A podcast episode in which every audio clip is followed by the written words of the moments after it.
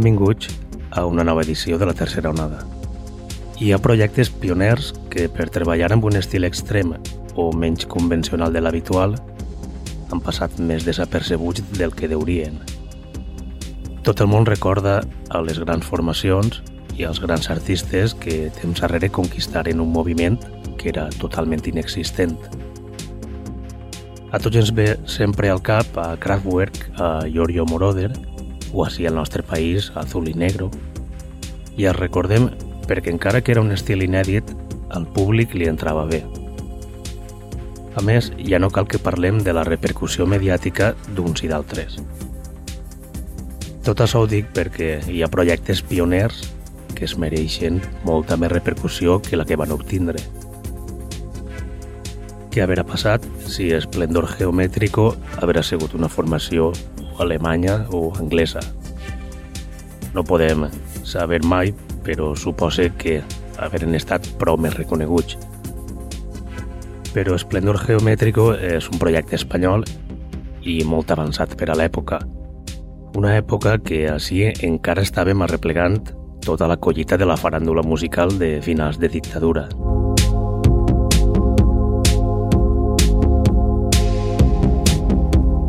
La majoria dels nostres compatriotes no han sentit mai parlar d'Esplendor Geomètrico i deurien perquè va ser una banda pionera amb un estil com l'industrial que per a qualsevol públic està clar que resultava massa extremista.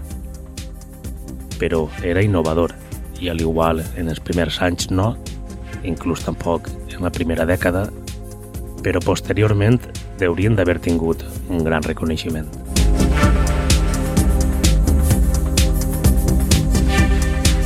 Esplendor Geomètrico es va formar en 1980. Els primers components foren Arturo Lanz, Juan Carlos Astre i Gabriel Riaza, tres dels quatre membres que formaren Aviador Dro i que paral·lelament fundaren també esta banda. Juan Carlos Astre fou el primer en abandonar. En la 81 deixà de ser membre d'Esplendor Geomètrico. Gabriel Riaza va estar fins a 1991 i un any abans, en 1990, es va unir l'italià Saverio Evangelista, que a dia d'avui encara forma part, junt a Arturo Lanz, d'este projecte. En 1981, Esplendor Geomètrico publicava un primer senzill anomenat Necrosis en la polla i un any després ja firmaren un treball més extens.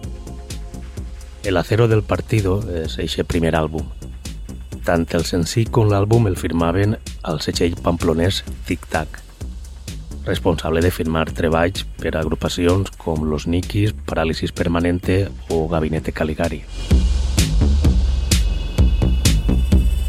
El acero del partido va eixir en quatre versions del tema homònim i tres versions de Héroe del Trabajo.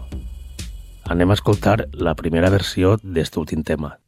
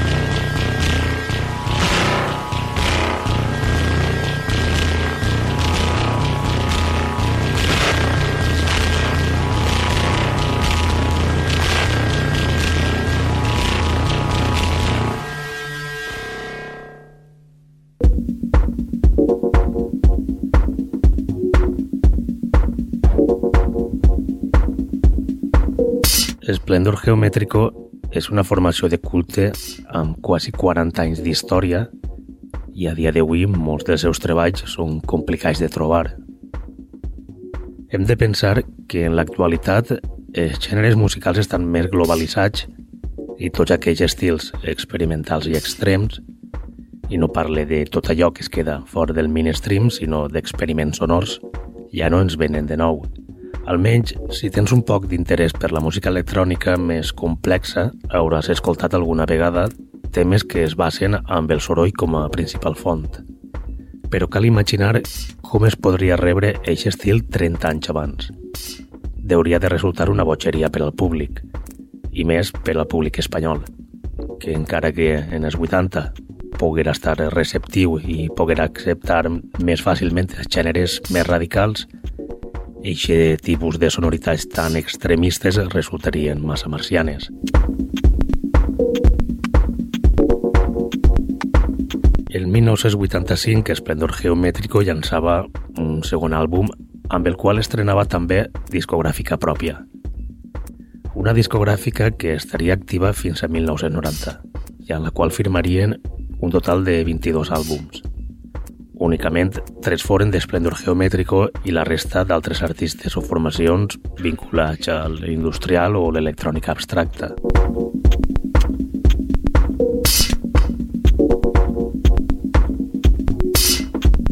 Comissario de la Luz és eixe segon àlbum d'Esplendor Geomètrico. Un llançament que seguia la fórmula de l'anterior àlbum amb versions de dos temes. Quatre versions de Comissario de la Luz i 4 de Blanco de Fuerza. Sorolls distorsionats i manipulats poc aptes per a una emissió radiofònica, encara que hi ha un parell d'adaptacions que perfectament es poden reproduir i inclús punxar en alguna sessió. Una d'elles és la tercera de Blanco de Fuerza.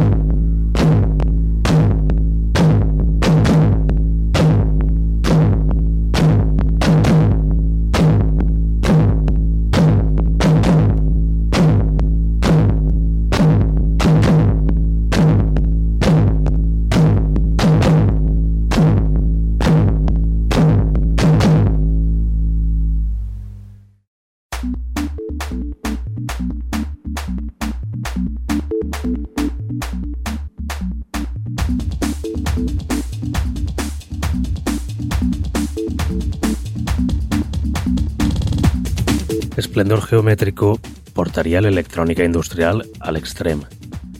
El projecte havia nascut per subministrar únicament experiments sonors basats en el soroll i en la distorsió. Però en la dècada dels 90 alguna cosa canviaria. Emergien grups i artistes amb estils com l'IDM, com va ser el cas d'Afex Twin o d'Autecre. En el cas d'Autecre, estos dos britànics ja portaven actius des de 1987 i Afex Twin apareixeria als primers anys de la dècada dels 90. Arribava així l'electrònica avançada i Esplendor Geomètrico començava a introduir elements més propis de l'IDM, sempre portat, això sí, al seu camp més habitual, que és l'industrial i les textures saturades.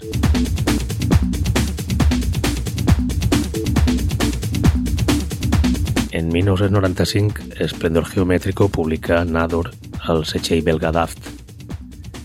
Esta discogràfica encara està activa a dia d'avui i es va fundar en 1991 precisament amb un primer llançament a càrrec de Esplendor Geométrico anomenat Sheikh Al-Yana. A este àlbum ja s'aprecia la influència dels britànics Outecre i del finlandès Mika Vainio al capdavant de Pansonic. D'este treball de llarga durada recuperem un dels temes que més pot recordar a aquestes noves influències d'Esplendor Geomètrico. Atar és el sextite d'un total de nou.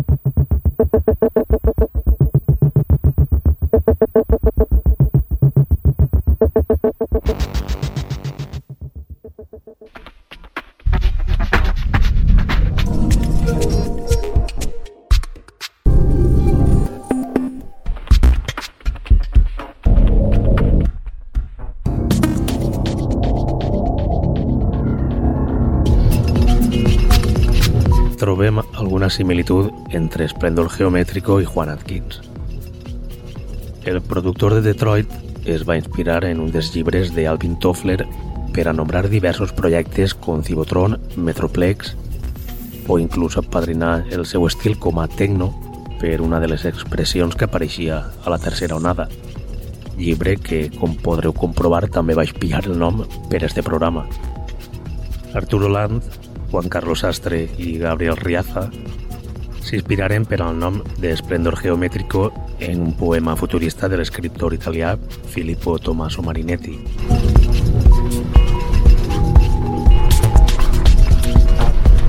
En 1992, Esplendor Geométrico llançava Geomètric, setxell que exercia com a successor de discos Esplendor Geométrico i que en l'actualitat encara continua actiu. En esta discogràfica és on més han publicat en la seva última etapa.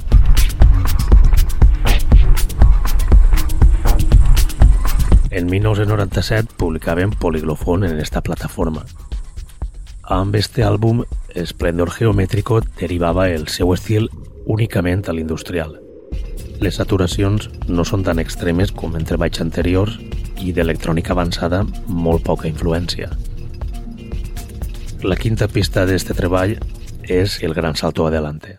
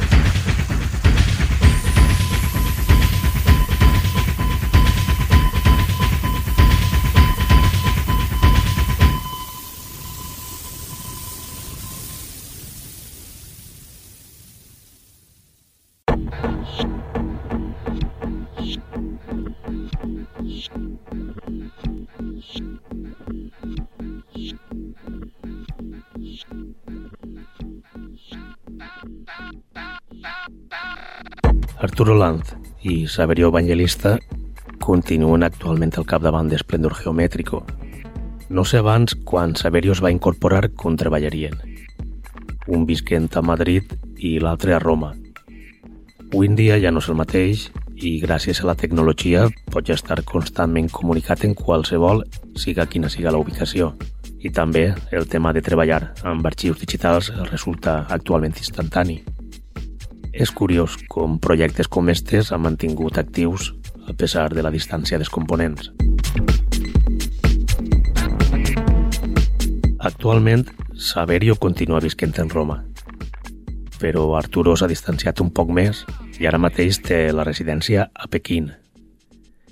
I és que el continent asiàtic també ha sigut un dels pilars d'esplendor geomètrico. Amb la ciutat de Tòquio sempre hi ha hagut feeling. Durant anys han actuat a la capital japonesa.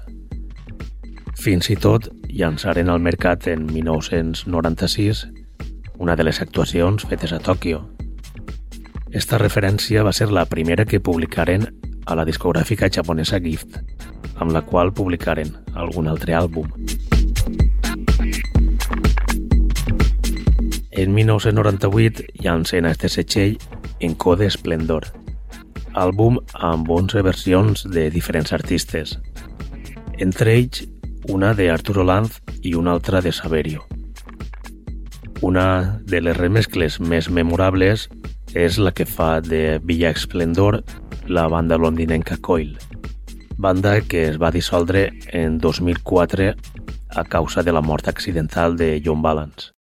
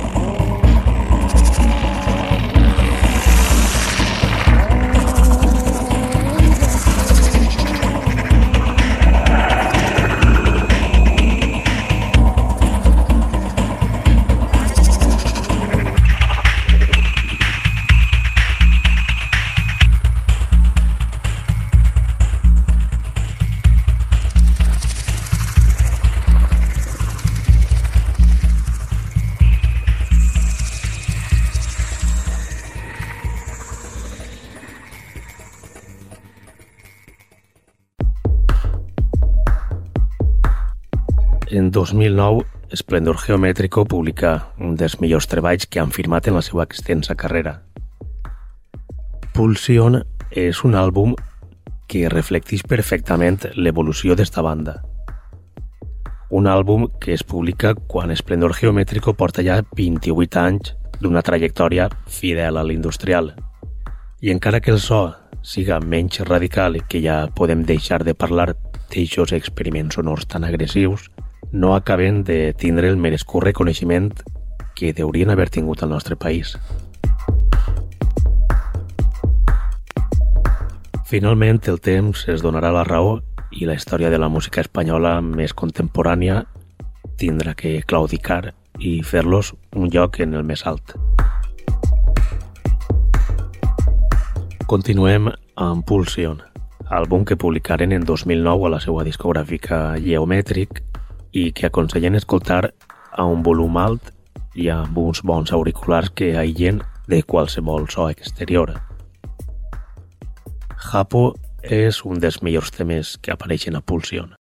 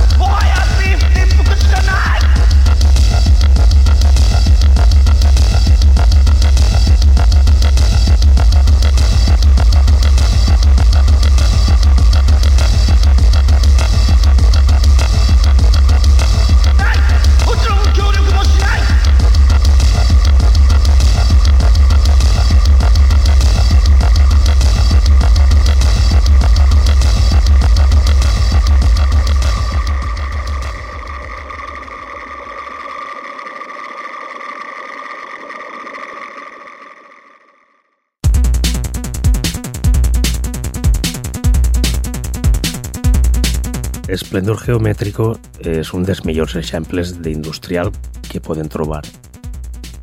Pocs projectes s'apropen a la trajectòria d'esta banda, que en quasi 40 anys de carrera no fa tant que ha començat a experimentar un major suport pel públic espanyol. Però per un públic culte que mai s'ha deixat portar per modes, sinó que ha aprofundissat i ha furgat fins retrobar-se amb els orígens de la música contemporània.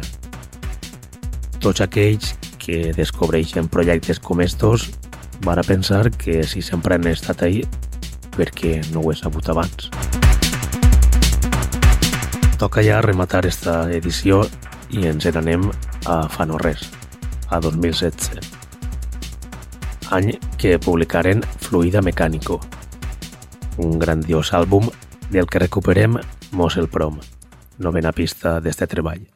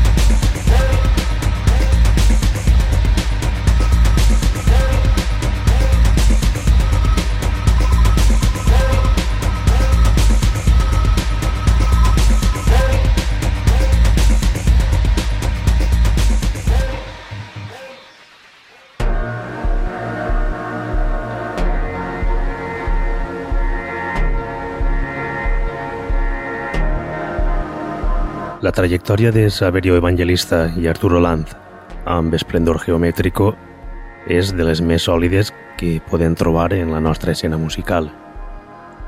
Des de l'any 80 han estat donant guerra des d'un circuit ja no reduït, sinó inexistent al nostre país. Però han sigut constants i a dia d'avui pocs projectes es poden comparar amb este. Fins una pròxima edició de la tercera onada. Salutacions de Ximo Noguera.